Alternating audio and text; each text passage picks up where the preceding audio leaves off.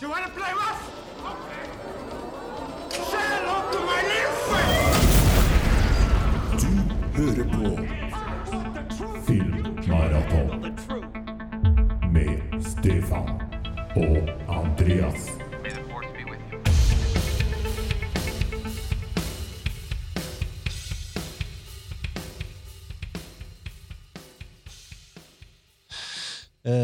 Ja, Stefan, jeg må jo nesten begynne med å spørre deg om du har på deg klær. jeg har på meg klær, men det er noe joggebukse og ei Han Solo T-skjorte her, som det sikkert kunne ha blitt vaska begge deler. Men okay. vi, får, vi får eh, ha det jeg har det på i løpet av dagen, tenker jeg. Ja. Enn du? Nei, for du sitter jo på Sorgenfri. Nå eh, sitter jo, sitter jo på Levanger. Nei, på, påkledd, jeg òg, men vi, hadde vi hadde jo ikke trengt å ha vært det. Nei. uh, nei da. vi må jo begynne med å si litt kanskje om vår samarbeidspartner Hifi Life. De er jo foreløpig åpne da, i, nå, selv om i disse koronatider. eh, Og jeg vet jo at André driver jo på å kjøre ut varer til folk og sånt hvis noen har lyst til å kjøpe seg noe Hifi og kose seg med i, i karantenetiden.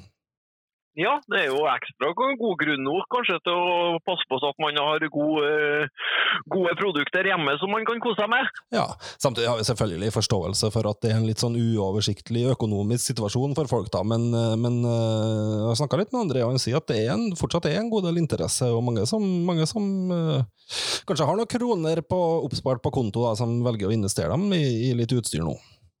Mhm. Ja, så det går an å øh, Den butikken er jo fortsatt åpen, den, men kanskje aller best å ta en telefon til en André, eller gå inn på hifilife.no og så sjekke hva som finnes der. Og så i hvert fall i Trondheims Trøndelag, Trøndelag øh, kan jo si, så tror jeg i hvert fall at han kan være behjelpelig med å få levert ting òg. Utover det så må han vel sende dem. Så det er nå et, øh, et øh, bra tilbud. Um, Det er veldig bra, ja. ja. Nei, skal vi gå til podkasten? Vi har, har jo litt på tapetet i dag med ja, litt forskjellig fra karantenen, da. Mhm. Mm. I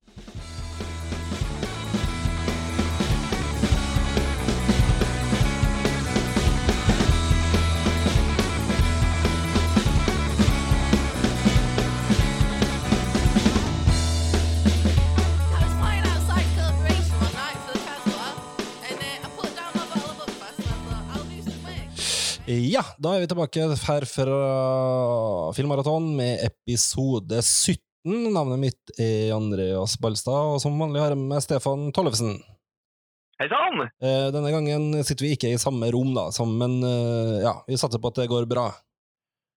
Ja, vi får nå bare gjøre det beste ut av det, tenker jeg. Det hadde nok vært eh, det aller best om vi hadde fått spilt inn eh, sammen på Sorgenfri, men når situasjonen er som den er, så må vi nå bare, bare prøve å, eh, å få ordna episoder på annet vis. Ja, hva du holder på med? Du, jeg vet jo at du er ikke i karantene, men du har mye hjemmekontor. Ja, med hjemmekontor og prøver nå ellers å begrense, begrense aktiviteten, da. Men jeg var nå en, var en tur på butikken eh, tidligere i dag og kjøpte meg noen rundstykker og litt øl. Ok, ja. så du berger, du berger, du berger. Ja, ja, ja. ja. Ja. Men, eh, men du sitter jo i karantene, så eh, du- må jo Har du kanskje litt større utfordringer? ja, jeg har jo folk som kan handle til meg, og sånt, så jeg får jo stort sett, stort sett hjelp til det, og har jo, så klare med, med mat og, mat og drikke, nær sagt. I dag har jeg holdt, på- holdt på skal bake, bake litt. Å, såpass? Ja, det, nye, det er nye hobbyer når man blir sånn sperra, sperra inne på den måten her, så må man liksom begynne å ja, fokusere mer på huslige sysler, da. Så jeg tar godt vare på plan, pla, plantene mine og baker litt og ja, rydde noe. rydder og vaske mer enn man ville ha gjort i hverdagen, da. Ja, det er sant. Så sånn sett Ja. eh, klarer han å ta med seg noen av de vanene her ut når hverdagen forhåpentligvis vender tilbake om ikke så lenge, så har han jo kanskje gjort et lite løft i livet. Det er sant. Eh, Ikke noe som er så galt at det ikke er godt for noe. Nei da, lære seg litt nye, litt nye skills og fokusere på litt andre ting, så det kan være bra, det. Eh, vi må ta en liten runde på hva vi har sett siden, siden sist, og da forsto jeg det på deg som at du var gira på å få sett den her Adams Family-filmen som kom i den, den animasjonsfilmen? Ja, hva det? Og den kom jo den, den uka her nå på, på Blu-ray. Mm. Så platekompaniet var nå, ennå åpen eh, ennå, dem. Så mm, da var jeg nå innom og, og, og fikk tak i den, og så den i, så den i går kveld. Ehm, så Nei, jeg liker jo, liker jo Adams Family, de to filmene fra 90-tallet, veldig godt. Så, så derfor var jeg nå litt spent på denne animasjonsvarianten òg. der vi har bl.a. Charlize Theron og Oscar Isaac som eh, stemmene til, til, til foreldrene der. Det er Eh, Meget solide eh, navn, det, da. Ja, det er det. Kulest er jo kanskje at Bette Midler er med som, som bestemora. Oh, ja. ja. Og, og, han, og eh, Snoop Dogg har, har stemmen til Cousin It. Oh, ja. Jeg husker at jeg leste den der. eh, Nei, det er bare sånn, bare sånn lyder. Ja. Men det er noen Snoop Dogg som har de, har lydene. Nei, det er bra. Ja. Nei da, så eh, filmen, filmen den var, den var helt, eh, helt grei. Den er ikke det helt, eh, helt store heller. Animasjon er jo på ingen selvs måte på, på Pixar-nivå, men, men på fint nivå. På sånn à la rutete ninja-nivå, tenker jeg. Ja, det er jo decent. Uh, Ja, helt decent. Um, og ja det, Nei, den, eh, den får en firer av meg, gjør den. Eh, Den, eh, den. Den var trivelig og den var småmorsom hele veien, men samtidig så kunne de ha gutsa på enda litt mer òg. Den blir litt sånn trygg og god, og, det er jo tydelig at den, den skal òg gå hjem hos de, de, minste barna nesten også. Det- Ok. Ja. Ja, hva slags type film er det? Er det er en slags reboot? At man introduserer alle de her karakterene Ja. på nytt fra bunnen, på en måte? Altså, eh, ja, det er det. Hva Det er, starter med at de gifter seg, um, Mort- Morticia og han eh, Gomez. ja. Og så finner de, finner de huset da, som de skal, skal bo i, og som er hjemsøkt. da, og Da syns de jo at det er veldig, veldig hjemmekoselig. Men så ja. følger, følger, følger vi familien da 13 år eh, senere, og da har det da kommet en eh, kommet ei som driver på med noe sånn ekstrem oppussing-program. Noe sånn i den, den gata der, i hvert fall, som, som bygger opp en, en eh, sånn pastell, pastellfarget eh, by i nærheten av huset deres. da. Okay. Og så vil hun òg ta ekstrem oppussing til familien Adams. ok, så det det er liksom jo, eh, kon konflikten, da. Det er mellom dem Ja. og dem og hun, på en måte? Ja, det er det. Ja. så nei da, eh, den er sånn en, en, en delvis anbefaling. Liker du Adams Family, så, så er den helt, helt grei titrøyte. Men eh, hvis du skal se en god animasjonsfilm, så er det nok andre filmer som anbefales sterkere, ja. Ja, nei, så en klassisk Tollefsen-firer. Ja, absolutt. Litt snill og den, kanskje? Nei da, den er helt, Den er grei. Den er grei. Den er helt, helt kurant. Ja, skal vi hoppe eh, videre? Ja da. Jeg har jo, smelt, jeg har jo lovt deg jo sist eh, vi satt i studio at eh, når jeg trodde når vi kom tilbake nå, så hadde jeg sett Cats. ja, det lovte du ut. Så. jeg var jo litt skeptisk om du holdt lovnaden her, men du har jo jaggu meg innfridd, Andreas. Jeg har sett Cats. Jeg har til og med kjøpt, jeg har kjøpt Cats. Nei, dæven, kjøpte du nå? Eh, her er jo, det er jo en, eh, det er jo en kalkun, det er jo ikke noe tvil om det. Den har jo et sånn IMDb-snitt på, på rundt 2,5, som er sånn rå, rålavt. Ja, det er lavt. Det er til og med de Dolph Lundgren-filmene jeg har dratt fram tidligere. Her har jo bedre enn det. Ja, så den her har gått, det vil si, jeg var inne og kikka mer på statistikkene der på IMDb, så det vil si 49 eller 50% av alle som har vært inne og gitt den en karakter fra 1 til 10, har gitt den 1 av 10. Halvparten har gitt den, har gitt den 1 av, 1 av 10. Det eneste, Ja, eneste segmentet den skåra i nærheten av fem på, da, som kan sies å begynne å være middelmådig, det var hos eldre kvinner. Det var de eneste som har gitt den Det var de som hadde gitt den best, jevnt over best rating, men de hadde gitt den ganske lav, da. Ja, riktig. Men det er jo en kompetent, det jo en kompetent regissør her, Tom Hooper, som for så vidt gjorde det bra med Le Miserable, og, og som er ja, egentlig en prisbelønna regissør for King's Speech og, Ja. og Danish Girl og The Damned United, og lagd mye bra, egentlig. Ja, han har jo det. Eh, men det her så vi jo for så vidt tidlig alle sammen, at her var det et eller annet som var off. Som skurra litt. Et eller annet som skurra litt. Og én ting er jo her at de har kattekropp og menneskeansikt, men det er jo så mye annet som er rart òg. Eh, tenker, Ja, det ja, eh, hva som skjer med størrelsesskalaen her? Altså, de, er jo, de, er, er jo ikke, de er jo ikke menneskestørrelse, og de er ikke kattestørrelse. Å nei, så de er en plass midt imellom, De er, de er en plass midt imellom, og det er på ingen måte, kon, kon, det på ingen måte konsekvent heller. Nei. Så når de driver og beveger seg, beveger seg rundt der, så kan de av og til liksom, Du ser dem i skala til omgivelsene rundt, så, så er ikke noe det er ikke, det er ikke konsekvent. Og, og du begynner å lure litt på er det her en verden der det bare er katter, eller er det en verden der det òg skal bo mennesker, eller hva er det egentlig som, som skjer? da? Det er vanskelig å skjønne, skjønne universet. Ja. Uh, Ja. og måten de beveger seg på er så rar. De er liksom tidvis nesten vektløse. og Det ser ut som en litt sånn vaier Litt sånn som du liker, da. Litt sånn Vuxia-vaiering, nesten. At de så det er så, det er så mye som er, som er rart, da. Og så går de selvfølgelig ut rundt og, og, og leker katter og, og har sånne fakta, og du skjønner, med hodet og sleiker seg på håndbaken og tar Ja, seg sjøl i ansiktet. Som er nesten, det er på grensa til uverdig, nesten, da, for sånne som en Ian McKellen og Judy Dench og sånt, å gå Ja, rundt sånn og mjaue og ligge, og- og skreve og, og, og i det hele tatt veldig sånn Det er noe, det er ikke noe litt erotisk over det hele, da. Nei, på ingen måte. Det, nå kommer uh, Idris El... Når den, eh, na, na, kaller nakne Idris Elba, da. Eh, Når han dukka opp først i trailerne, så ble jo han en hit i, i diverse segment, men, men eh, så den og opplevde den veldig lite erotisk. og noen er med jo naken, og noen har klær. Det er jo heller ikke, noe, oh, ja. heller ikke noe konsekvent i det hele tatt, ikke sant? Bare tullet. Ja. Det finnes visstnok en edit der de, alle kattene hadde rumpehull. Som Men det visstnok droppa jeg. Ja, men det hadde ikke gjort det noe verre. Men det er jo helt vanvittig å tenke på det her. På hva som påpekte at noen har liksom hatt det der møtet der de har sittet og diskutert, da, voksne folk, liksom, skal vi ha rumpehull på kattene eller ikke? Så den edit, Det fins en edit en eller annen plass i en skuffe liksom, som er cats, men med rumpehull. Men, eh, men underholdningsverdien på det hele, da? Nei, altså poenget er jo at det er jo en ganske dårlig musikal. Eh, Du er jo kanskje en større musikalfan i utgangspunktet enn meg, men, eh, men jeg liker jo godt eh, mange musikaler, men foretrekker jo at de har litt handling. Det her er jo liksom to timer med mer og mindre narsissistiske katter som synger sanger om seg sjøl, da.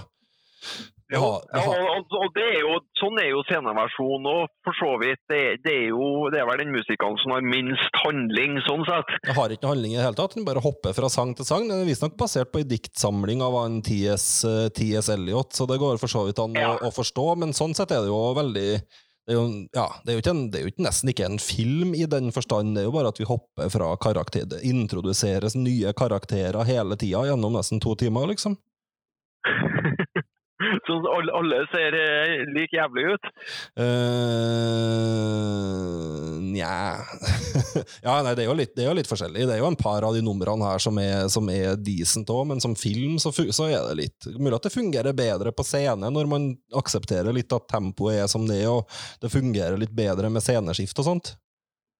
Ja, ja, altså Det er jo en av verdens mest populære musikaler på scene, så sånn sett uh, må jo sceneversjonen gjøre noe riktig. Ja. Uh, og jeg tenker Men det blir vel når du får det på filmlerret. Det er noe annet. Det er, det er faktisk et helt annet medium, da. Ja. Og de valgte jo åpenbart en feil taktikk i forhold til hvordan de her kattene skal se ut. Det, det, det er noe alle som har sett traileren er enige om. Ja, hele denne verden er så rar.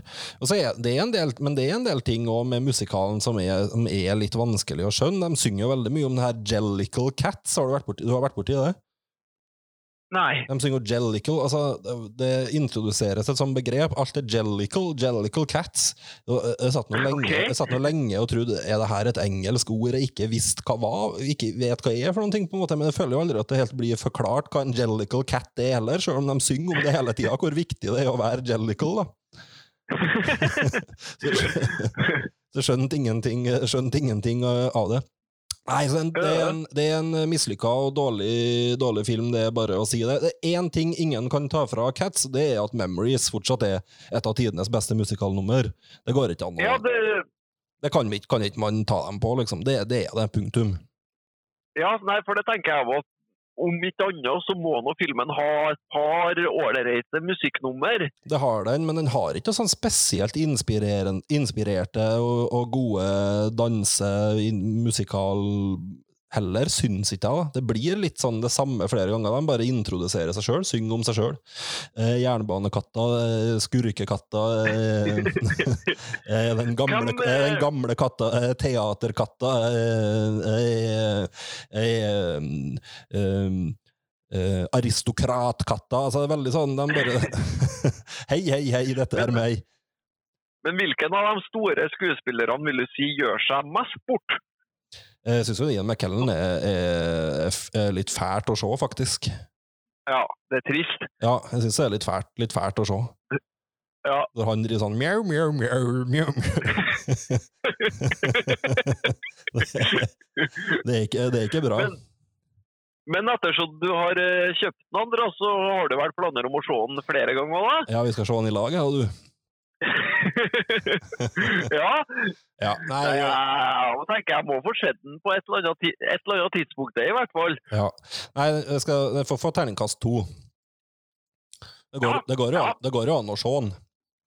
Mhm. Det er, en, det er ikke en klink det er ikke en klink ener, det er ikke fullstendig inkompetent, men det er jo som vi har snakka om før, her, har det vært, her er det så mye rare avgjørelser som er tatt i møter opp igjennom, og det virker som på et eller annet tidspunkt man bare har gitt blanke og sagt ok, nå blir det sånn, nå blir det som det blir. Ja, vi må slippe den på et tidspunkt. Ja. Nei da, så den eh, Jeg satt jo I starten satt jeg jo og tenkte litt sånn eh, Satt jeg jo litt og tenkte sånn Ok, kan, er det her litt overdrevet? Er den egentlig bare sånn helt middels? Sånn en treer, treer, Ja. firer, helt grei, og så er det bare sånn her internett-hype à la ananas og bacon, liksom. Mm. Men eh, Men nei, den er ganske dårlig, ja. Mm. Den, den er det, gitt. Nei, så terningkast, Ternekast terningkast to på den. ja.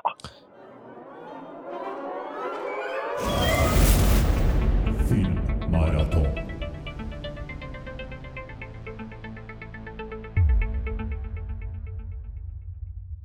Eh, vi beveger oss kjapt videre til Nytt på kino. Det er jo i praksis ingenting nå, Stefan. Nei, det er dårlig med å dra på kino i disse tider. Ja. Det er det, ja. Eh, men eh, nå kom jo både Emma og Invisible Man og iHuman rett på sånn leiestreaming. Ja, det gjorde han. Eh, Så, og det går jo Birds of Prey, sies det òg, kommer ganske fort på streaming nå. Mm. Likens med den her Bloodshot, den heter den her tegneseriefilmen med Vin, eh, Vin Diesel. Ja. Så det er jo filmer som skulle ha kommet nå, men, sånn, eh, men som da kommer, kommer på eh, Kommer digitalt. Og er det via, via, via Play som tilbyr allerede nå. Det er Invisible Man og Emma for eksempel, for en 189 kroner. Ja. Det er jo leie, da, så du må, for, du må levere dem tilbake. Men du får ha dem i 48 timer, tror jeg, for den prisen, Ja. prisen der, som for så vidt ikke er så veldig mye mer enn en kinobillett i, i disse dager, da. Nei da, så, og det er, jo, det er jo noe som har vært diskutert lenge, eh, er jo det her premium eh, video on demand. Men så har jo selvsagt kinoene vært veldig skeptiske til det her. Ja. Så det har på en måte ikke borte sluppet i noe stor skala, men eh, det spørs om det her ikke på en måte bare er starten på at faktisk virkeligheten kan bli litt sånn at du kan velge å enten dra på kino og se den, eller se den hjemme, men da til en mye, mye, mye høyere leiepris enn hva det ellers ville ha vært. da. Ja, vi snakka jo litt om det sist òg, at kanskje det er på tide, egentlig, i litt globaliserte medievirkeligheten, at de, at de lokale distribusjonsleddene forsvinner litt ut, og at man på en måte får synka opp litt mer hele, i hvert fall den vestlige verden, kanskje i første omgang da, i forhold til ja, at ting kommer ut samtidig. Mhm. Og i, i USA, der de har eh, fått Disney Pluss, der vet jeg jo at eh, Frost 2 allerede har blitt ko- kommet, og den nye Star Warsen er vel det Om den ikke har kommet, så er den iallfall rett rundt hjørnet, så Begge dem er sluppet, jo- begge dem er sluppet på amerikansk iTunes. ja, eh, så der. Mm. Og, Det, det, det, det, det skjer ting.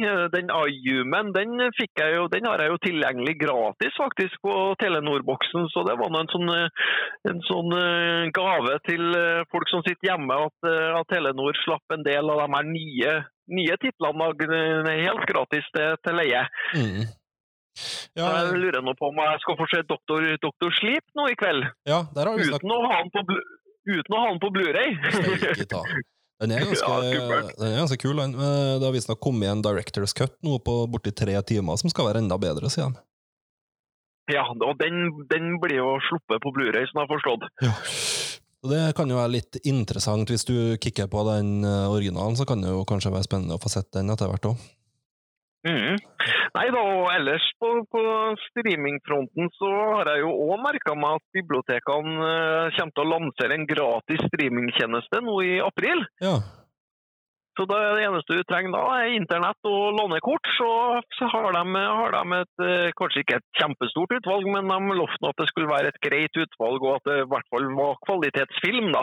Ja. Sånn, eh, så, det, så det er jo noe man kan sjekke, sjekke ut på. og Ellers så har, det, har de jo virkelig, mm, virkelig fått kjørt seg, de her eh, strømmetjenestene. Ja, net, Siste tida. Netflix fikk jo, fikk jo EU-pålegg nå om å redusere litt på kvaliteten, for ikke bare å spise opp båndbredden rundt omkring. Ja, så, så der er de, har de vel kutta ut HD HD-kvalitet nå i en måneds tid. Ja. eh, For å, for å sørge for at eh, nettet ikke kneler. Og det, for det har man jo hørt litt lokale problemer her og der, i hvert fall. At når det blir veldig mange som, som eh, er hjemme og en del sitter og strømmer film, men du har òg en del som sitter og har eh, Skype-undervisning eller Skype-møter og sånne ting òg. Så Ja. blir, det, blir det press. Ja, nei, det får definitivt, det får definitivt eh, kjørt, kjørt seg. Eh, har, har vel det lille jeg har sjekka av Netflix så langt, så ser det vel ut som at det fortsatt er helt kurant kvalitet, men kanskje ikke den her 4K-en som har vært tilgjengelig på en del titler. da. Mm. Men at det fortsatt er helt, helt greit, selv om det er noen prosent eh, dårligere eh, oppløsning enn enn det normalt sett er. Ja. Så, men også, også fysisk salg har fått seg en oppsving pga. det her. Mm. Sånn eh, rapport om at eh, fysisk media òg har eh, hatt en økning på 20, 20 da, Ja. i salg. Så det, er jo, det, henger, de henger, det henger jo sammen, de, de tingene her. Jeg tror, som du sier, at det blir litt et sånn veiskille i forhold til en del sånne mekanismer i, i den globale økonomien og handelen med, med underholdningsvarer. Mm. Eh, skal vi gå til brev, brevsprekken? Ja, kan ikke vi gjøre det? Jo.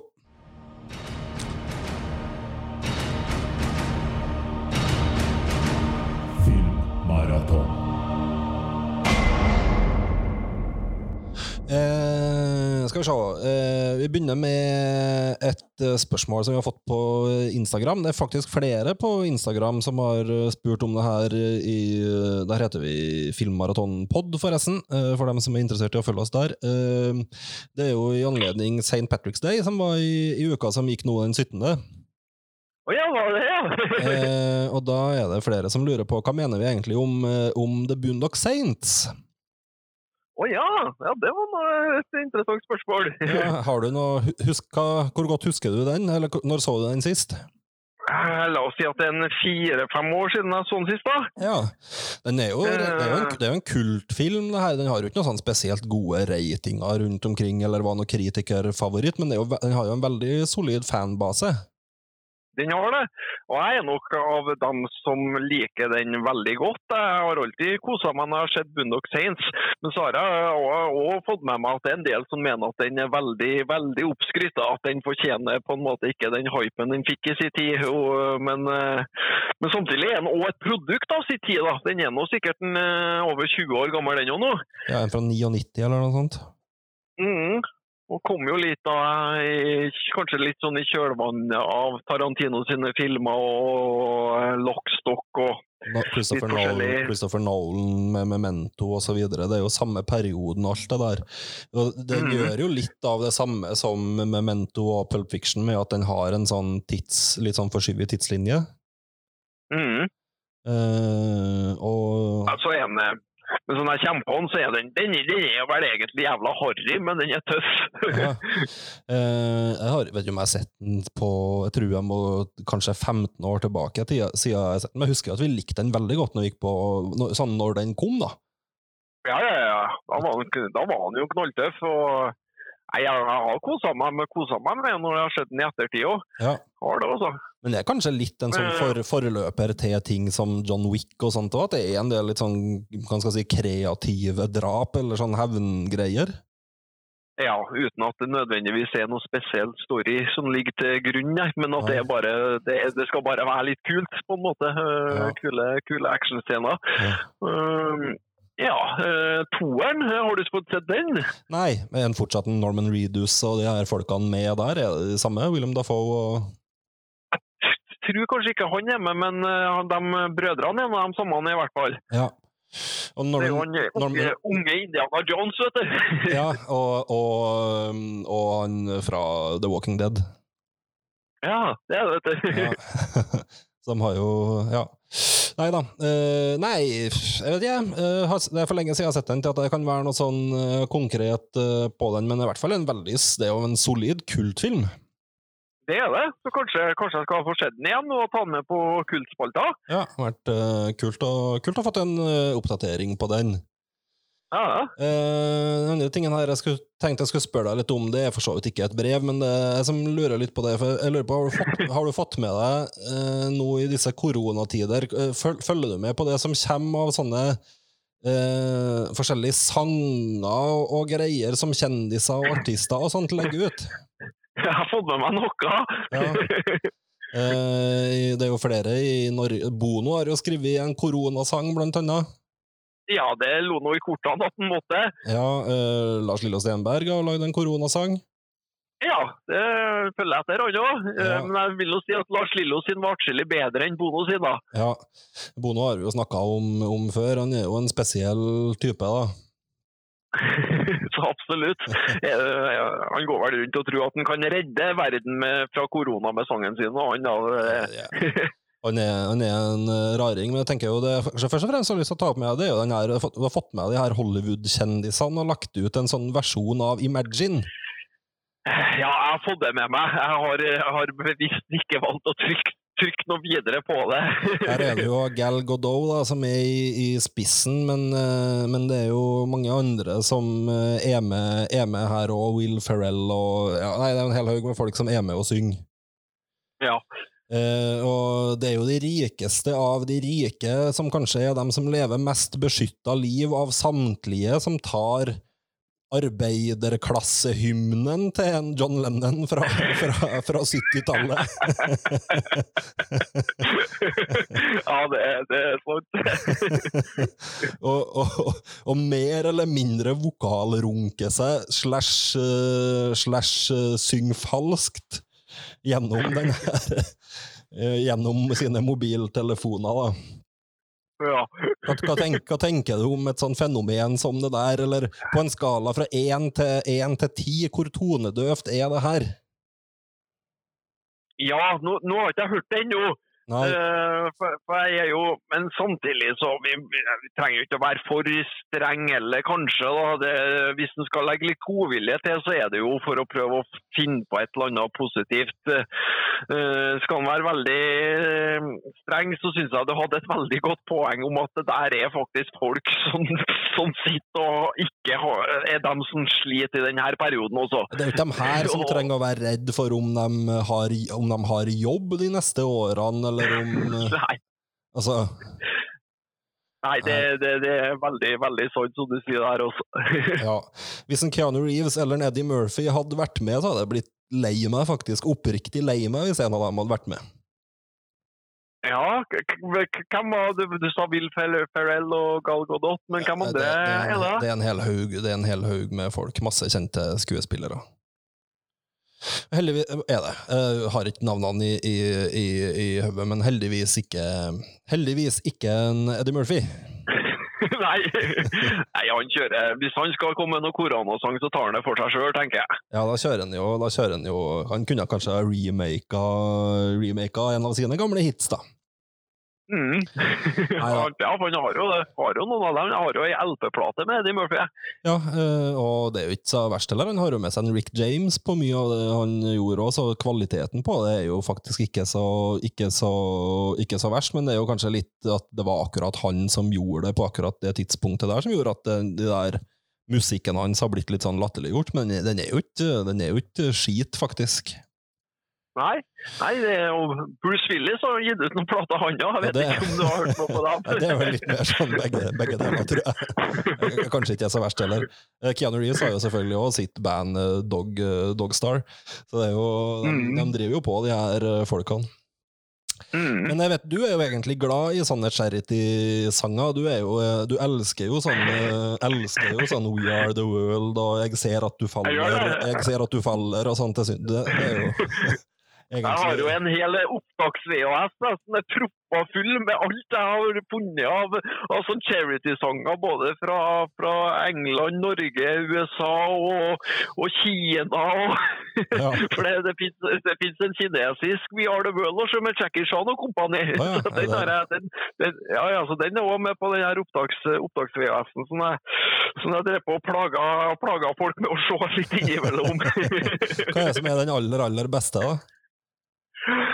Ehm, vet du, jeg er svak for den remaken av Do They Know It's Christmas Time. Ok, men det er jo sånn to- Den- den som- 2000-tallsversjon med Blue og, og Atomic Ja, ja, ja, og sånt, liksom. Ja, ja, og han, han rapperen de har også han. Dizzy Rascal var med, ja. Ja. Så jeg, jeg tror kanskje jeg satt den, den aller, aller øye. yes! en sånn som Åge sin Rosalita, den har du jo sjøl. Når du ble årets Åge i Adresseavisa for en ti-tolv år siden, så dro du, jo, dro du jo alle stemmene i den. Ja, stemmer det. Så, men Åge har jo òg skrevet jo sammen med Halvdan Sivertsen den fantastiske 'Sammen for livet'. Ja. Eh, Men det er jo klart at det er jo man, man kan jo det er, jo, det er jo ganske latterlig å sitte og se på dem òg, samtidig. Det er jo, det er jo sånn- Ja. Nei, eh, det er jo noe som bare er så sinnssykt narsissistisk med det. Litt som det vi driver og tar en, tar en Bono på, på en måte den her ideen om at hvis jeg bare synger den sangen her, da, Mm. Da- Da, da. da blir det Nei, jeg vet, jeg vet ikke. Nei, nå skal vi si nok om, nok om det, og så begynne å bevege oss litt til hovedinnholdet i dag her. Ja da, vi får gjøre det. Ja. Jeg ser Jimmy Fallon og Natalia Portman og Mark Ruffalo er også med på det her Gal Gal Det, det, det er en hel haug med, med gode narsissister.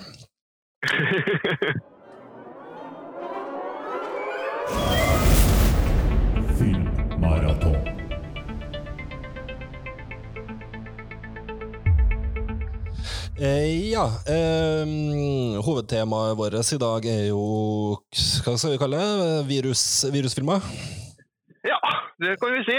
Eh, som vi snakka litt om i forrige episode, så er vi jo litt sånn blø, skal vi, gidde, skal vi gidde å ta det eller ikke? Men du hadde jo et godt poeng, da, synes jeg, i forhold til at det er jo de her filmene hele verden sitter og ser på. Ja, vi kommer det, er jo, det er jo noe med det. Når, igjen, når det er jul, så vil vi se julefilmer. Og når det, når det er virus, så vil vi se virusfilmer. Det, det er nå bare noe, noe med det, på en måte. Ja, det, hvorfor, hvorfor da, tror jeg? jeg tror jo, vi, vi lærer jo ingenting av dem. Jeg tror jo heller at folk blir, sitter og blir litt sånn vranglært av å se Ja. på det her, da. Heller det.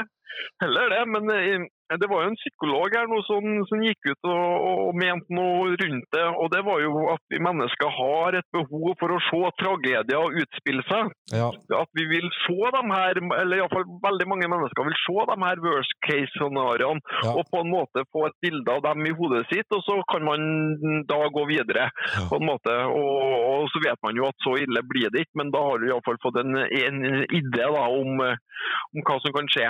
Nei, nå er det viktig å presisere at ingen av oss helsepersonell, så vi uttaler, jo, uttaler jo oss ikke med noe autoritet på akkurat det, men jeg tror vi kan være enige om at alle de filmene her er overdrevet Mm, eh, det er det, eh, men for så vidt så når vi er inne på Contagion, så er det jo mye som er veldig virkelighetsnært, syns jeg. Mhm.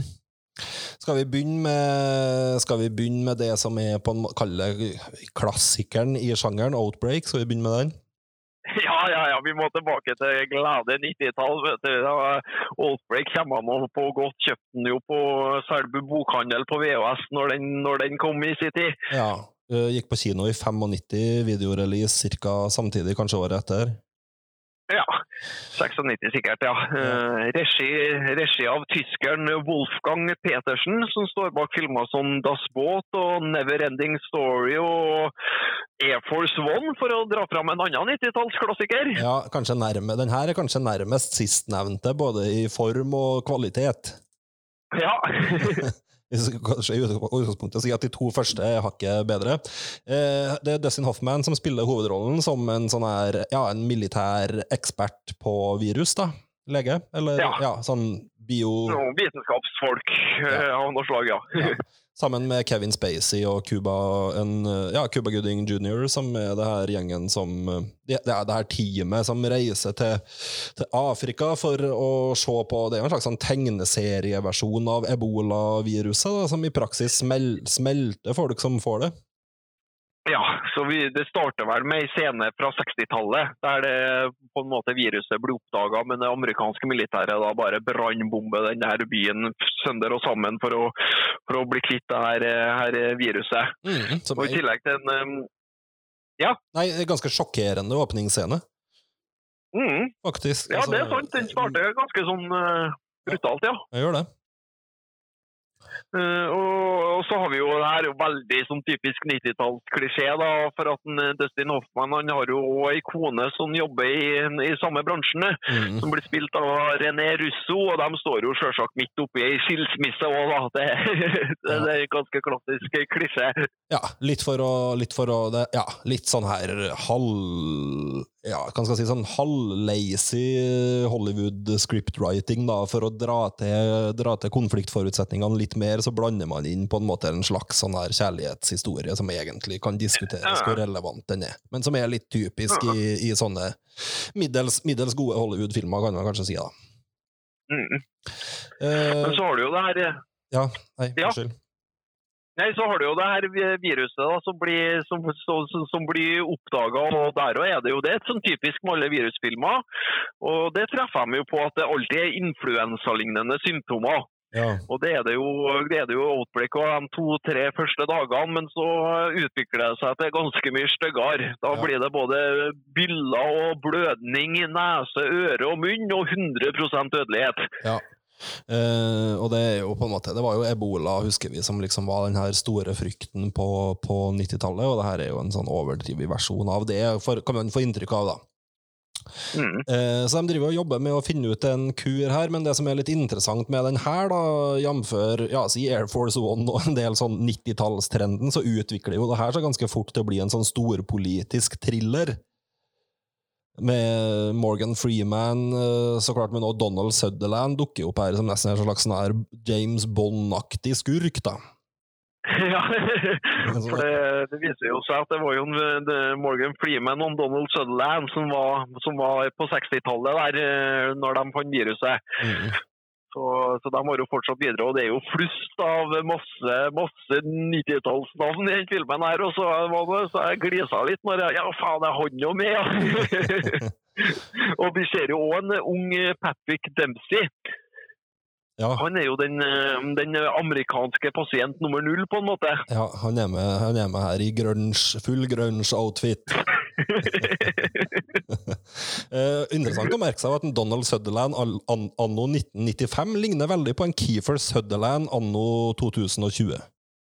Ja, de er, de Altså, er det, jævla like det, det, er kryss, det er krysnings, cirka krysningspunktet. Det er sant. En, en, ung, en ung Donald Sutherland og en ung Keefer Sutherland De er ikke noe spesielt lik hverandre, men sånn, de er akkurat nå er de på et sånn kryss, Akkurat der var de på et sånn krysningspunkt.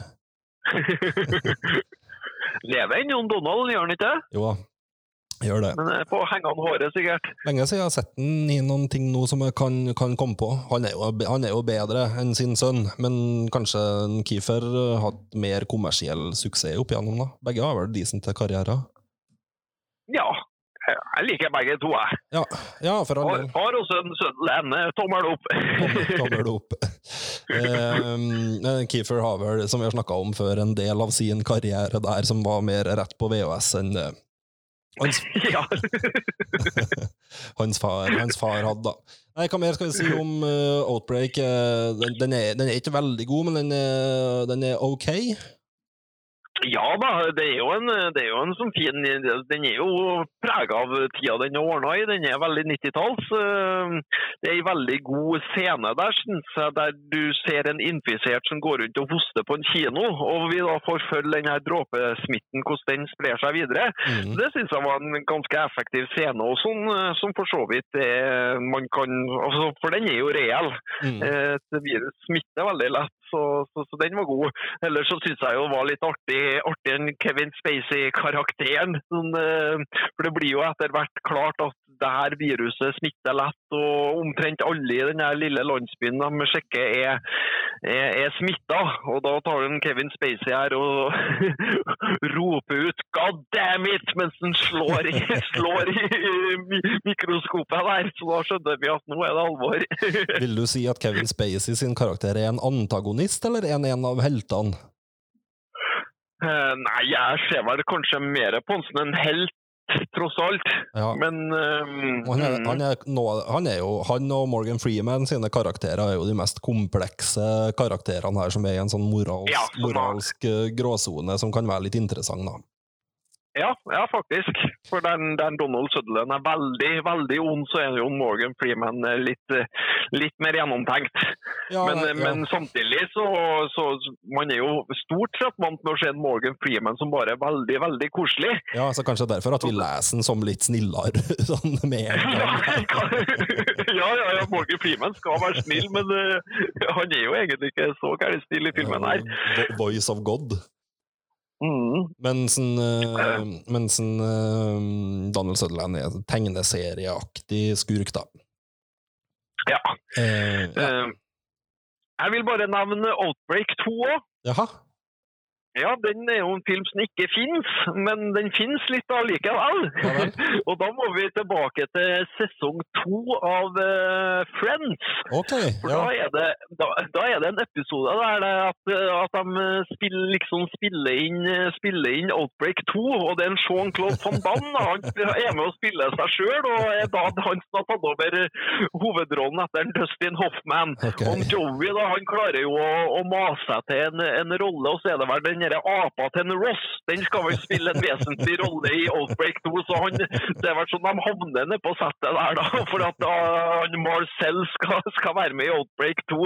Og som Joey, Joey klarer å mase seg til en, en statistrolle i, i filmen, da, og så slutter vel episoden med at en Van Damme må bare uh, ta en scene om og om igjen, der Joey ikke klarer til å, å, å ordne, ordne dødslydene bra nok. Ja, så stemmer. det blir Jeg husker det nå. Can't you see happening? This man is dead. jeg det er husker, jeg husker det.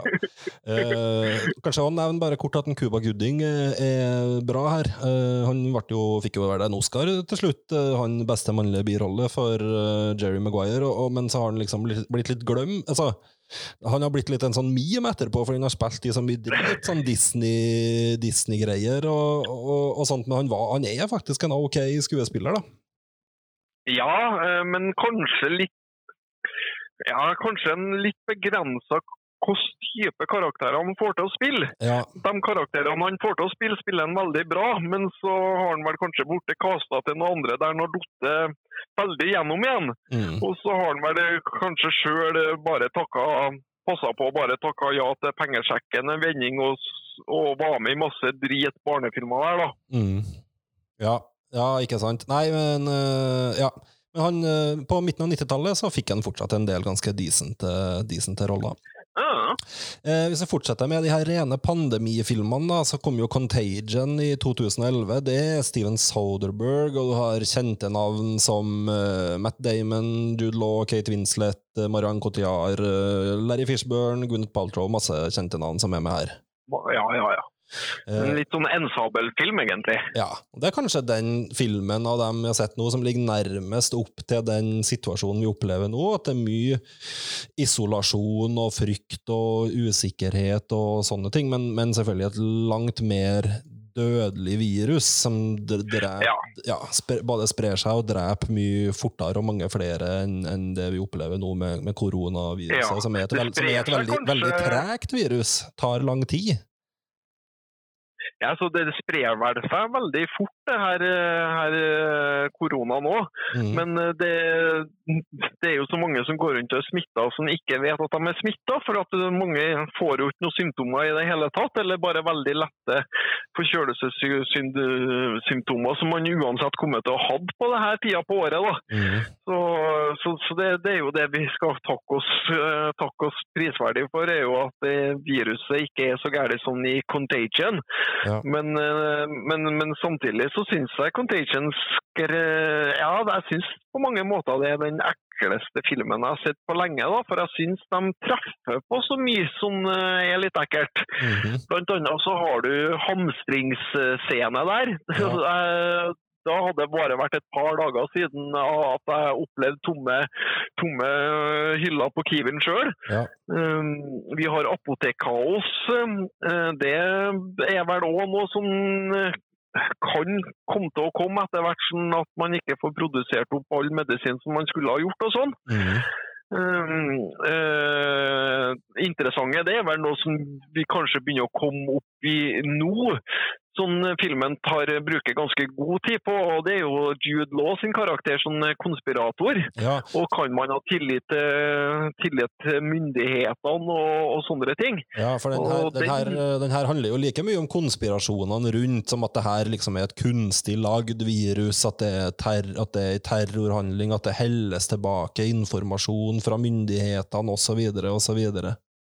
Eh, Og I tillegg så finner man ikke sant, noe feilinformasjon har blitt gitt, og noe ikke sant, for at myndighetene har ikke nødvendigvis full kontroll dem heller, selv om de mener godt. og Da klarer man på en måte å bruke det halmstrået. da, ikke sant, og ja, Da er alt bare fake. ikke sant? Så Ja. det... Ja. Og, og, og vi ser jo tendensen allerede nå, da, eh, at, at det begynner å, begynner å spre seg litt sånne ting. Ja, for her har du jo Jude Law som en blogger som etter hvert da faktisk tjener ganske mye på å spre falsk eh, info eller konspirasjoner, og, og det er jo helt typisk at det liksom er de samme som, som anklager myndighetene og de etablerte mediene og sånt for å være korrupt og holde tilbake informasjon, og sånt som faktisk ender opp med å tjene på å spre konspirasjoner og, og frykt og, og, og, og, mis, og misforståelser. Så her er vel vår, vår klare oppfordring å forholde seg til det offisielle som kommer fra helse, helsemyndighetene, og ikke, ikke sitte og høre på alt mulig annet og folk som har lest på internett og alt mulig bullshit. Det, vær, vær kildekritisk, altså. Ja, for guds skyld. Også det, det er veldig spesielt viktig i de her tider. Ja. Det, det er det. Eh, Jeg syns Jude Law er veldig bra. Jeg er ikke noen stor fan av han i utgangspunktet, men eh, i den rollen her syns jeg han passer veldig bra. Den aksenten Eh, hans, da. Ja, jeg syns den funka, funka fint. Og okay, de ja. skeive tennene hans òg syns jeg, synes jeg var bra. Ja. Men det er jo klart, vi er jo ikke vant til å se han snakke med så, så britisk aksent, men han er vel Det er vel kanskje sånn han snakker til vanlig? jeg vet ikke. Det er jo sånn cockney, sånn London cockney, ikke? Sånn, nesten sånn 'Alloy, mate', nesten, nesten, nesten der. Jo, jo, men han er, snakker din litt sånn egentlig? da? Jeg, vet, ikke. jeg har ikke hørt ham snakke så ofte. Jeg ville trodd at han kanskje var litt uh, mer avslipt, men uh, jeg vet ikke. Eh, nei da. Nei, han klarer seg, klarer seg fint. Uh, etter hvert så finner man jo en vaksine eller medisin her uh, som ganske fort, som du var litt inne på, blir en, nærmest en valuta da, som folk er villige til å slåss og Ja. kidnappe og dø for, nær sagt. Ja, og, ja, og når vaksina her kommer også, så er det ikke noe sånn sjølsagt det om hvem som skal få den først. Altså, noen må få den først, og så det kommer jo til å være et spill i virkeligheten, det òg. Filmen viser man jo ganske, ganske kaotiske tilstander rundt det, og der har de vel litt sånn lotteri, at alle som er født 12. mars, de får viruset først, og så blir det Nei, får vaksina først, og så trekker man videre. Mm. Så jo, ja, så får man etter hvert et sånn armbånd som viser at man kan bevege seg relativt fritt ute i verden igjen. Ja. Eh, så det, men tar, ta, i filmen tar det vel sju måneder før de har kontroll og en form for, ja, en form for kontroll og en vaksine. Jeg håper jo at det ikke blir fullt så langvarig på, på oss. Jeg kjenner det jo litt nå på dag ti cirka at det har vært, begynner å ha vært artig å ha gjort litt andre ting enn å sitte inne òg. Mm. Selv om jeg ikke Ja, er den som, som klager, klager aller mest på, mest på det, så begynner man jo å merke det litt nå, kanskje, at man er litt hemma i bevegelsene sine. Mm. Eh, ja, nei, men Det er jo en ganske god film, og Steven Soderbergh det her, den ligner litt i form på den her bølgen som kom senere, med sånne her semidokumentariske eller forklarende filmer, litt à la The Big Short og Vice, og sånt, altså at den faktisk har en god del element som er nei, ja, prøver å lære oss noe om pandemier. Mm. Det er jo kanskje litt skummelt òg, hvis man begynner å faktisk tror at det her er en semidokumentar, for det er det jo helt åpenbart ikke, men ligner liksom litt i for formen på en del filmer Ja. som Og så er det jeg, jeg må si at jeg rett og slett grøssa litt når jeg så den eh, absolutt siste scenen da, som viser hvordan viruset har kommet. mm, Og Da ser man jo da at mennesket hugger ned skog, Ja. som gjør at en, flagger, en gruppe flaggermus da må finne seg et nytt habitat. Ja. Flaggermusa står og et på noen banan, hvor restene av den bananen havner i et grisefôr, og grisene blir så tatt med til en eh, restaurant i Hongkong og da videre over til Gwyneth Paltrow. Ja. Uh, så, og det er jo omtrentlig sånn de mener at eh, koronaen har kommet òg. Ja, Så, så, så det er litt, eh, ja, det var litt ekkelt å se, egentlig. ja. men, eh, men, men det er jo noe å reflektere over det òg. At selvfølgelig når vi mennesker fucker opp økosystemet så mye som vi gjør, så kan det fort bli ris til egen bak i ytterste konsekvens. Mm -mm. Ja, Nei, men samtidig så må tror jeg vi bare må være Ja, helt enig i det. Samtidig så må vi bare være tydelige på at det her fortsatt er fiksjon. Da. Men den er lagd på en sånn form som gjør at den kanskje lett kan tolkes for å være uh, semidokumentarisk. Ja, og, og som sagt så syns jeg jo den, foruten av at viruset der er mye sterkere, da, så, øh, så syns jeg jo den, den treffer jo det, Nå sitter vi ti år senere og faktisk kan si at jo, men sånn ble det faktisk delvis. Ja, Den tar, Delvis tar en riktig, god del ting på kornet, og så er det litt akkurat det her med den medisinske biten. Der vet vi jo ikke nok om, om det, rett og slett. Nei, nei, nei. Eh, Men, Men, eh, eh, litt, litt de mekanismene som slår ut på et samfunnsnivå, dem kan vi kommentere og si at dem ser vi at, Mm, at ligner ganske mye. mm. Eller at de, ja, en del av det i hvert fall ligger tett, tett opp til det. Eh, det har jo en, vært en liten sånn internettlek de siste dagene her òg, om det ikke er egentlig faktisk den beste pandemifilmen på mange måter er 'Haisommer', eller 'Jaws'. Ja. Eh, at Jaws følger jo en del av de samme tingene. Det er masse frykt for en litt usynlig fare. Um, Mm. For veldig mange av oss så virker ting egentlig ganske normalt, samtidig som det foregår en alvorlig situasjon. Mm.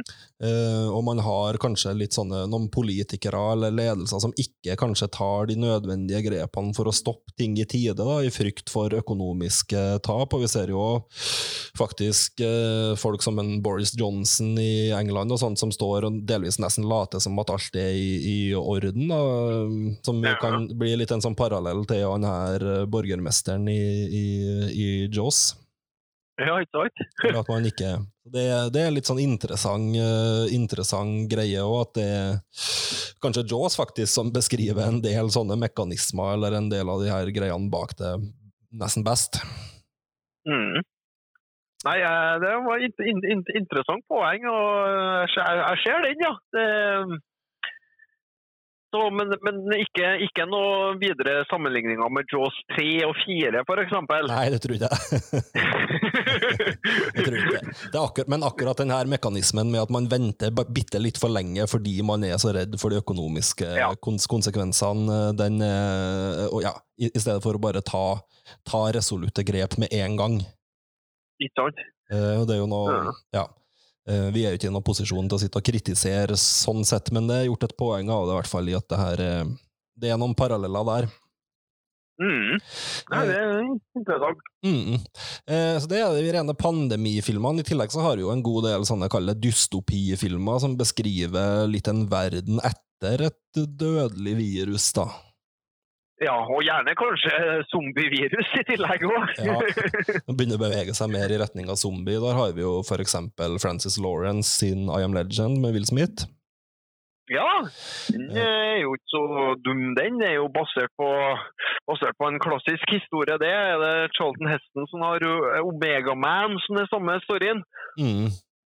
Som har en del av de samme, samme elementene, ja. Eh, Det var jo Francis Lawrence som lagde den her, han eh, som lagde i sin tid. Han har lagd en del av Hunger Games-filmene og Conan Constantine og masse sånne superkommersielle musikkvideoer på 2000-tallet. Ja. Uh, her er jo en sånn dystopi da, der alt går galt, og, og, og han Robert, hovedpersonen som Will Smith spiller, er den, den eneste gjenlevende. Der har jo på en måte alle de andre, de smitta der, har jo blitt mer en slags form for zombier. Det er jo ganske langt ute i filmen at vi forstår at de faktisk har en ja, egen vilje og ja, tenk, kan jo tenke og kommunisere, nesten. Ja. Eh, men det skjønner vi jo etter hvert at de har. Eh, og her eh, er jo målet til hovedkarakteren å prøve å finne en kur, da. Eh, og så blir jo liksom spørsmålet på slutten er jo kanskje om de her smitta, smitta egentlig ønsker å bli kurert eller ikke. Mm. For det her, eh, I Am Legend, det vet jo sikkert mange en del, en del om, men det finnes jo en del, det finnes jo en alternativ slutt uh, som er helt annerledes enn den, uh, enn den uh, slutten som de fleste har sett. Men det finnes jo også en sånn morsom lek her der man ser på er det egentlig Will Smith sin karakter som er monsteret her, eller antagonisten her, og så er det på en måte at han driver og angriper de her smitta, smitta folkene og, og kidnapper dem og dreper dem og sånt. At man liksom kan se, se den fra deres, fra deres perspektiv, da. Hvem er han der gærningen med bikkja som bare sky, skyter oss? Vi bare prøver å overleve her. ja, det, Så det er jo en del sånn Ja, en litt sånn artig vri med, med den. Jeg skal si så, my- jeg skal ikke si så mye om den. Den står seg sånn helt, eh, helt greit. Den har jo blitt ca. ti år, år gammel nå, den òg. Kanskje litt mer, Ja. faktisk. Midten av 2000-tallet, kanskje. den. Ja, 2008 eller noe, kanskje vi skal tippe. Ja. Eh, samme landskapet så har vi World War C. Ja, det har vi. Det var jo en film som kom i 2013 med regi av Mark Forster. Forster. -hmm. Og det er jo med en Brad Pitt da, som spiller, spiller en sånn FN-fyr. FN-fyr. Ja, basert på en ganske populær bok. Ja, og jeg vil jo tro kanskje boka er bedre enn filmen nå. De er helt annerledes. Eh. Boka er skrevet nesten som en sånn dagbok. Den har jeg vel lest, faktisk. Den er ikke så verst. Den er skrevet mer som en sånn, sånn dagbok, eller som en sånn semidokumentar. Ganske realistisk, mens det her er vel mer en ren actionfilm, er det ikke? Ja, ganske ren actionfilm, men en ganske grei terningkast fire actionfilm. som Jeg har ikke sett den eh, nå, men jeg så den nå når den kom. Mm. Um, så den er nå Ja, den er nå verdt å Helt grei. Ja. Eh, og så har vi den her Train to Busan. Det er jo en asiatisk variant over det samme. Ja, det er en film fra 2016 eh, fra Sør- Sør-Korea -Sør med regi av en som heter Jan Sang-ho. Ja. Og der er det jo, er det jo virus da som fører til, til zombieutbrudd, og, og spenninga i filmen går jo på å få overlevd fra de her zombiene. zombiene. Og sånn, eh, sånn Tittelen eh, heter jo 'Train to Busan', og da er det jo at, at det, vi følger karakterer på det her toget da, fra Seoul til Busan. Men så klarer det nå å komme seg inn litt eh, smitte inn på det toget òg, så, så blir det jo en del, eh, del spennende scener rundt det. Eh, En helt OK zombiefilm. Jeg, jeg merker på at jeg er ikke kjempeglad i zombiefilmer. Jeg syns det er kult med en zombiefilm i ny og ne, men å sitte så mange zombiefilmer på rad, da blir jeg litt sånn eh. Eh, De, de, de kan jo gå litt i ett, syns jeg noen gang. Ja, det er jo litt sånn samme, samme greia. De, kom vel første, første gang, så kom de vel Det opprinnelige allegorien her var vel på en måte det her med mass, altså øh, frykten for den her massen med folk, da, mis, misfornøyde folk som liksom kom og ta ja, dem som Jeg vet ikke, var litt sånn ja, arbeid, arbeiderklassen man var redd for, på en måte. Ja, Den opprinnelige Ja, metaforen nei, på samme måte som vampyrer liksom har vært, eh, vært uh, frykten for, for uh, overklassen, hvis du er med på den der eh, allegorien der. Ja, ja, ja. Eh, jeg hadde jo håpa litt på den Train to Busan i og med at den er fra Sør-Korea, at den kanskje mm, var litt annerledes. Mm. Eh, at den, at den uh, tok en litt annen take, men jeg syns den ble ganske sånn konvensjonell, den der òg, da. Ja, okay. uh, så, ja. men, men, men liker du zombiefilmer, så er den jo en, den jo en, en god zombiefilm. Det er ikke noe tvil om det. Det, det er mye spennende scener og sånn. Ja. Eh, jeg tok jo et gjensyn nå med 12 Monkeys. Det var en av mine favoritter. Jeg husker jo, Den likte vi jo godt på, på i fem, rundt 95 når den kom. da Terry Gilliam sin eh, variant. Mm. Hva Hva syns du om den, eh, den i dag? jo, ja, tja, tjo, tja, tjo, tja. Uh, begynner med å si at den er basert på denne kortfilmen La Jetée og Chris Marker. Uh, først og fremst det her tidsreiseelementet som er løfta, løfta derifra. Da har du, var du borti den når du studerte filmvitenskap i din tid? Nei, uh, men jeg har jo hørt om den. Jeg har nå hørt om den. Ja, det er en ren stillbildefilm. En fot fotografifilm. Ja. Eh, som Ja, den, den 12 Monkeys-filmen og den senere TV-serien er delvis inspirert av særlig det her med at man bor i en sånn dystopisk framtidsverden, og så reiser tilbake i tid for å prøve å rette opp i, i det som har skjedd, da. Som vi kjenner igjen nå fra Terminator, for eksempel, og en del lignende ting. Ja. Ja. Eh, så her er det jo Bruce Willis som er fang, en fange, da, en straffange i framtida. Prøver å reise tilbake for å få tak i det her viruset før det muterer, sånn at det er mulig å lage en eh, vaksine til det her viruset som har drept store deler av verdens befolkning. Så sånn sett er den jo et helt ulik outbreak akkurat der, i det her at det handler om å prøve å få lagd en vaksine, da. Mm. Eh, så Men det er jo ikke Men den er jo ganske annerledes fra Outbreak. Ja, det er den. Her er jo en science fiction Den her er en ganske rar film. det er. Men det, det er litt sånn Ja, det er jo Terry Gilliam òg, da, så eh, Ja. man skjønner jo at det, er, at det er litt rare ting. Eh, Samtidig så har han jo litt eh, Han har jo Bruce Willis, men også Brad Pitt og Madeleine Stove, som var et stort navn på den tida. Ja, Brad Pitt eh, kan man jo sikkert være enig eller uenig om, men mener at han overspiller ganske mye her, da. Som Han sånn- overspiller, ja. Ja. Ja, ja, Han ble jo Oscar-nominert, kommer jeg på, men det det er- det det er bare- litt overspill. Det er bare tull. Eh, Bruce Willis er ganske god, han syns jeg gjør en av sine bedre roller her, mens Brad Pitt syns jeg, syns jeg overspiller fryktelig. Ja, og Christopher Plummer er jo alltid bra. Ja, han, ja, ja.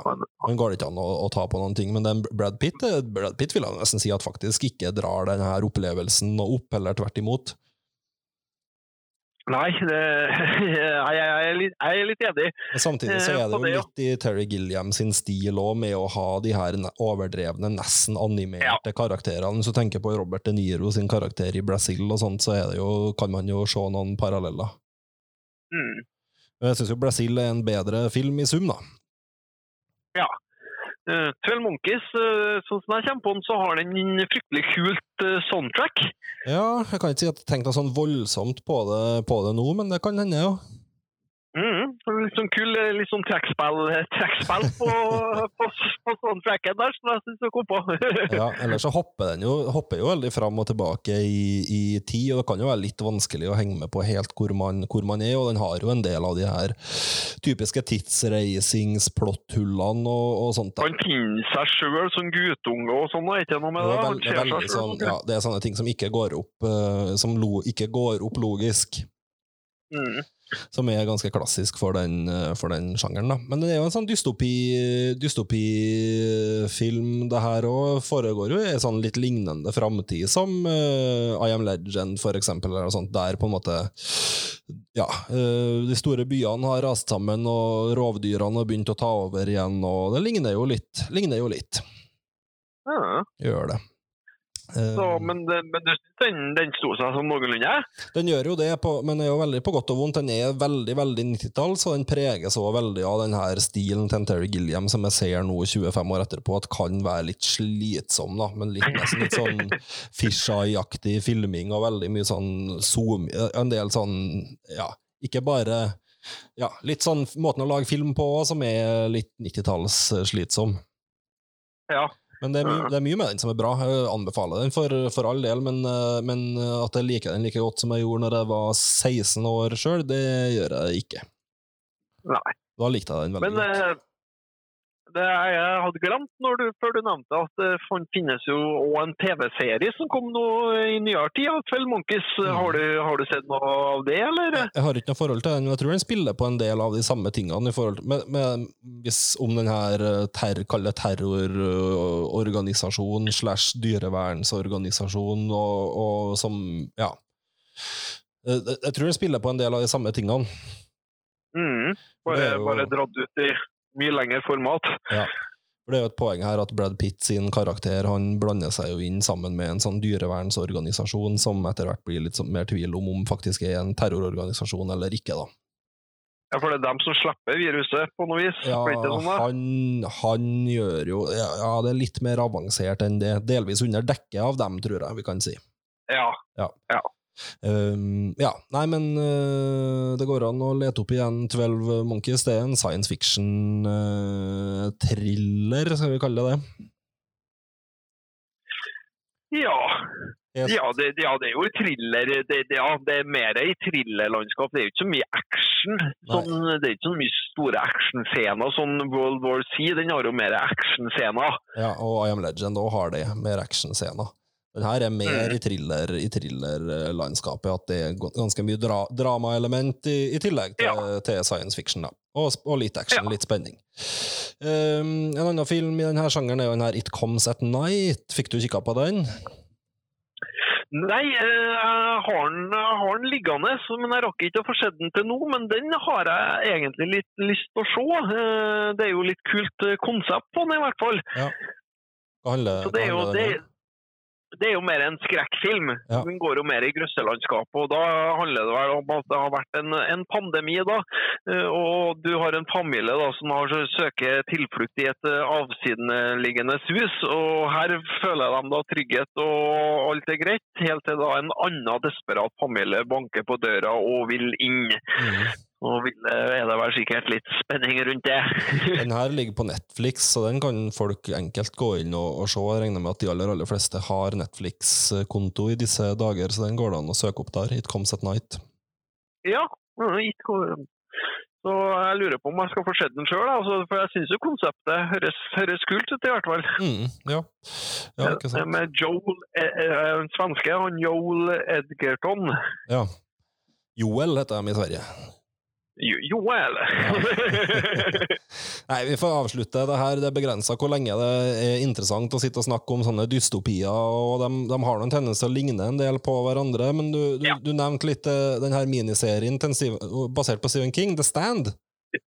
ja, jeg holder på å grave hva hvilke filmer jeg har i, i samlinga som kan minne på det her, og da fant jeg jo den der eh, The Stand, sånn i likheten med It, den beste av dem alle, ble filma som en eh, miniserie i, eh, i 1994. Mm. Og her er jo kon kon konseptet da, i både boka og, og den eh, miniserien er at det, det har vært en pandemi da, hvor 1% slipper unna sykdommen, men ingen slipper unna terroren. Oh.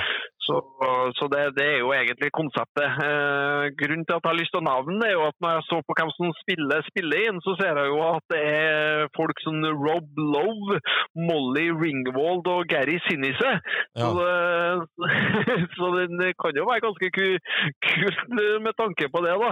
Um, den eh, miniserien er fra 1994, så jeg vil jo tro at den er prega av å være veldig 90-talls, den òg. Jeg ser nå bakpå coveret her, så er det noen sånne stygge, folk her, og så er det òg noen folk med sånn smittevernsmasker og sånt, så, så det er vel noen noe zombiegreier som skjer her òg, tenker jeg.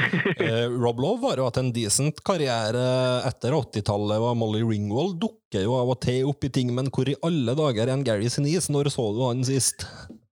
Han så jeg sist i CSI New York, gjorde jeg det, tror jeg? Ja. Han ikke, eh, har han ikke mer havna på sånn der- krim, krimserie han på TV? Ja, men det er jo 10 år, 10, 15 år siden, det òg. Eller? Ja, men jeg tror han har noen, eh, noen nye, nye krimserier, så jeg, okay, det er ikke ja, så, så- lenge siden jeg så at han var aktuell igjen i, men det, men det er de her eh, Ja, det vel ikke de beste TV-seriene heller, men, men sånn greie, greie krimserier. Okay, ja, så han jobber. Ja, han jobber, ja. Ja. Nei, hvis vi skal oppsummere eh, Jeg syns, eh, skal være helt ærlig, jeg syns ikke at det her er verdens kuleste eh, sjanger sånn egentlig, men det er jo som du sier, det er jo det her som er aktuelt, aktuelt nå, og kanskje kan være interessant for en del å, å se av ulike årsaker. da. Ja, og det er jo så absolutt gode, gode, gode filmer til meg. Det er mer på eh, at jeg liker å se en sånn film i ni, en sjelden gang, liksom. Mm. Men, eh, men å se noe mange av dem på rad, det, det, det, det kjenner jeg blir slitsomt. Det er jo grunnen til at jeg ikke så, så alle titlene som jeg først plukka fram. da. Mm. Eh, For, for det, kan bli litt mye. Som for, som for eksempel forrige lørdag så kjente jeg på at vet du, nå må jeg heller se Hercules og Disney. Det er Kose meg, kos meg litt med det isteden. Ja. Uh, og sånn sett blir det greit å ha et uh, Ghibli-maraton etter hvert her òg. Ja, det blir artig. Vi gleder oss til det. Uh, Ja. uh, Contagion, kanskje den beste filmen av dem her, så jeg skal anbefale folk å se bare én. Ja, det er helt klart den som er best, men, eh, men hvis du skal gå rett på mer på underholdnings... Det er jo litt mer underholdende Outbreak, er det ikke? det? Ja, kanskje. Litt mer tøysete på, på alle måter. Ja, er veldig viktig ja, tøysatt, igjen å, pre å presisere at ingen av dem, eh, ingen av, begge er, fiksjon. Ja, så absolutt. Uh, film, det er film. Det er Det er ingen, ingen, ingen som har kategori dokumentar eller av dem. Nei, det er ikke det. Eh, ja, nei, men uh, vi tar med oss en liten kult kultfilm helt på slutten nå, kanskje? Ja, det kan vi, det kan vi nå gjøre, vet du. uh, det er en som vi har nevnt skuffende lite. Det, kom, det, kom, det tok 17 episoder før vi nevnte en Jackie Chan. Det gjorde det, så det er jaggu meg på tide at han får, får bli nevnt i det gode selskap her i Filmmaraton. For det fortjener han. Ja. Det forstår jeg at det er jo- av de litt nyere titlene hans du har hosta opp her. Ja, jeg er jo, jeg er jo alltid glad i Jackie Chan- Chan-filmer. og dem, eh, I fjor så kom det jo mye av de her gamle, gamle 80-tallsklassikerne hans på Blu-ray. Ja. Eh, Men så um, Karrieren hans er jo Han jo, har jo fått spilt i en del amerikanske filmer òg, men nå på gamle årene så ser det ut som at han kikker tilbake til Hongkong og ordner mye av de eh, filmer sånn som den eh, var, gjorde på 80-tallet. Mhm. Og um, den filmen jeg har sett noe av, den eh, ganske nye på norsk, eh, norsk eh, video, og den heter for Skattejakten. Mm. Eller Kung, Kung Fu Yoga er òg en tittel på den. En, my, en mye bedre tittel. Ja, egentlig. Kung Fu Yoga, ja.